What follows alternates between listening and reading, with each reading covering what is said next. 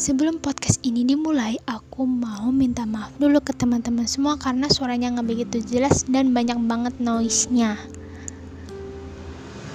Nah, itu tuh salah satu noise-nya. Pertama-tama aku mau ngucapin salam dulu nih. Assalamualaikum warahmatullahi wabarakatuh teman-teman. Semoga teman-teman yang dengerin podcast ini selalu dalam lindungan Allah Subhanahu wa taala. Amin. Dilihat dari judul podcast betul ini podcast pertamaku loh. Judul podcastnya adalah aku sih pilih yang jelas aja. Hmm yang jelas apa dulu nih? Yang jelas-jelas nyakitin. Yang jelas-jelas dia pilih yang lain. Aduh bukan gitu konsepnya. Jangan salah paham dulu. Yang dimaksud di sini adalah memilih yang jelas-jelas mendatangkan pahala untuk diri kita. Kamu tahu kan kalau hidup ini itu sejatinya pilihan kita bebas mau memilih apakah nantinya hidup kita bermanfaat bagi orang atau hanya berakhir dengan sia-sia. Menikmati kesenangan yang sejatinya hanya sementara di dunia ini. Kita juga bebas mau bahagia atau memilih buat sedih. Kita bebas untuk memilih apakah kita mau melangkah maju atau menyerah dan memilih mundur. Semua keputusan itu ada dalam diri kita. Kalau kita milih buat jadi manusia yang bisa bermanfaat, meskipun lelah, tapi percaya deh, semua rasa lelah itu akan menjadi sebuah nikmat yang tiada duanya. Dalam hadis riwayat Tabari disebutkan bahwa sebaik-baik manusia adalah yang bermanfaat bagi manusia lain.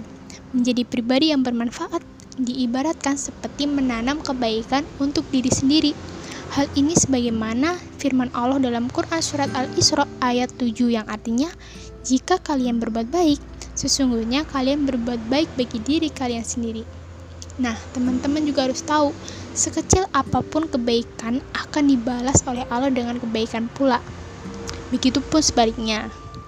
Jadi udah jelas kan, kalau kita berbuat baik dan memilih menjadi orang yang bermanfaat, pasti akan dibalas oleh Allah dalam waktu, situasi, dan melalui orang yang tidak pernah kita sangka.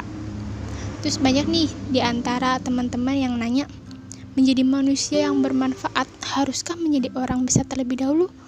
Enggak. Karena semua orang bisa menjadi manusia yang bermanfaat bagi orang-orang di sekitarnya. Kita nggak harus kok menjadi orang yang besar dulu baru bisa bermanfaat. Nggak harus punya banyak uang dulu baru bisa bermanfaat. Bahkan kita bisa menjadi orang yang bermanfaat dalam hal sekecil apa pun. Mau tahu apa? Sebar konten positif tapi aku belum baik. Aku nggak mau jadi munafik. Aku nyebar konten positif yang mengingatkan tentang kebaikan, justru aku sendiri yang lalai. Ya, memang itu wajar kita rasakan sebagai manusia. Tapi pernah nggak sih teman-teman mikir, sebenarnya kalau orang memposting suatu hal positif itu karena mereka ingin menunjukkan dirinya hebat dan dibilang alim atau memang karena mereka tuh ingin mengajak orang lain supaya mau ngelakuin hal baik pula.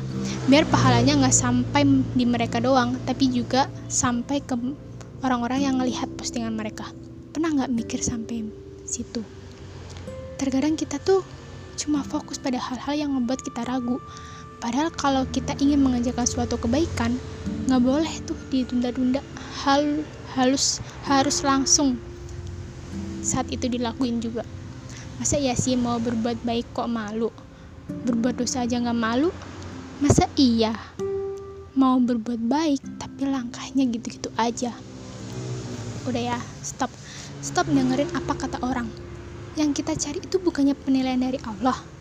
Kita menjadi baik bukan karena ingin dicapaikan oleh orang lain. Selama kita yakin berada di jalan yang benar teruslah teman-teman melangkah dan teman-teman juga harus tahu kalau kita menunggu menjadi baik untuk melakukan hal baik, mungkin para ulama, pendakwah nggak akan ada yang mensiarkan kebaikan. Karena kita semua sama, nggak ada yang sempurna, nggak ada yang terbebas dari dosa. Kita semua pendosa yang menjadi pembeda di antara kita adalah beberapa di antara mereka memilih untuk terus maju mencari pahala yang Allah janjikan.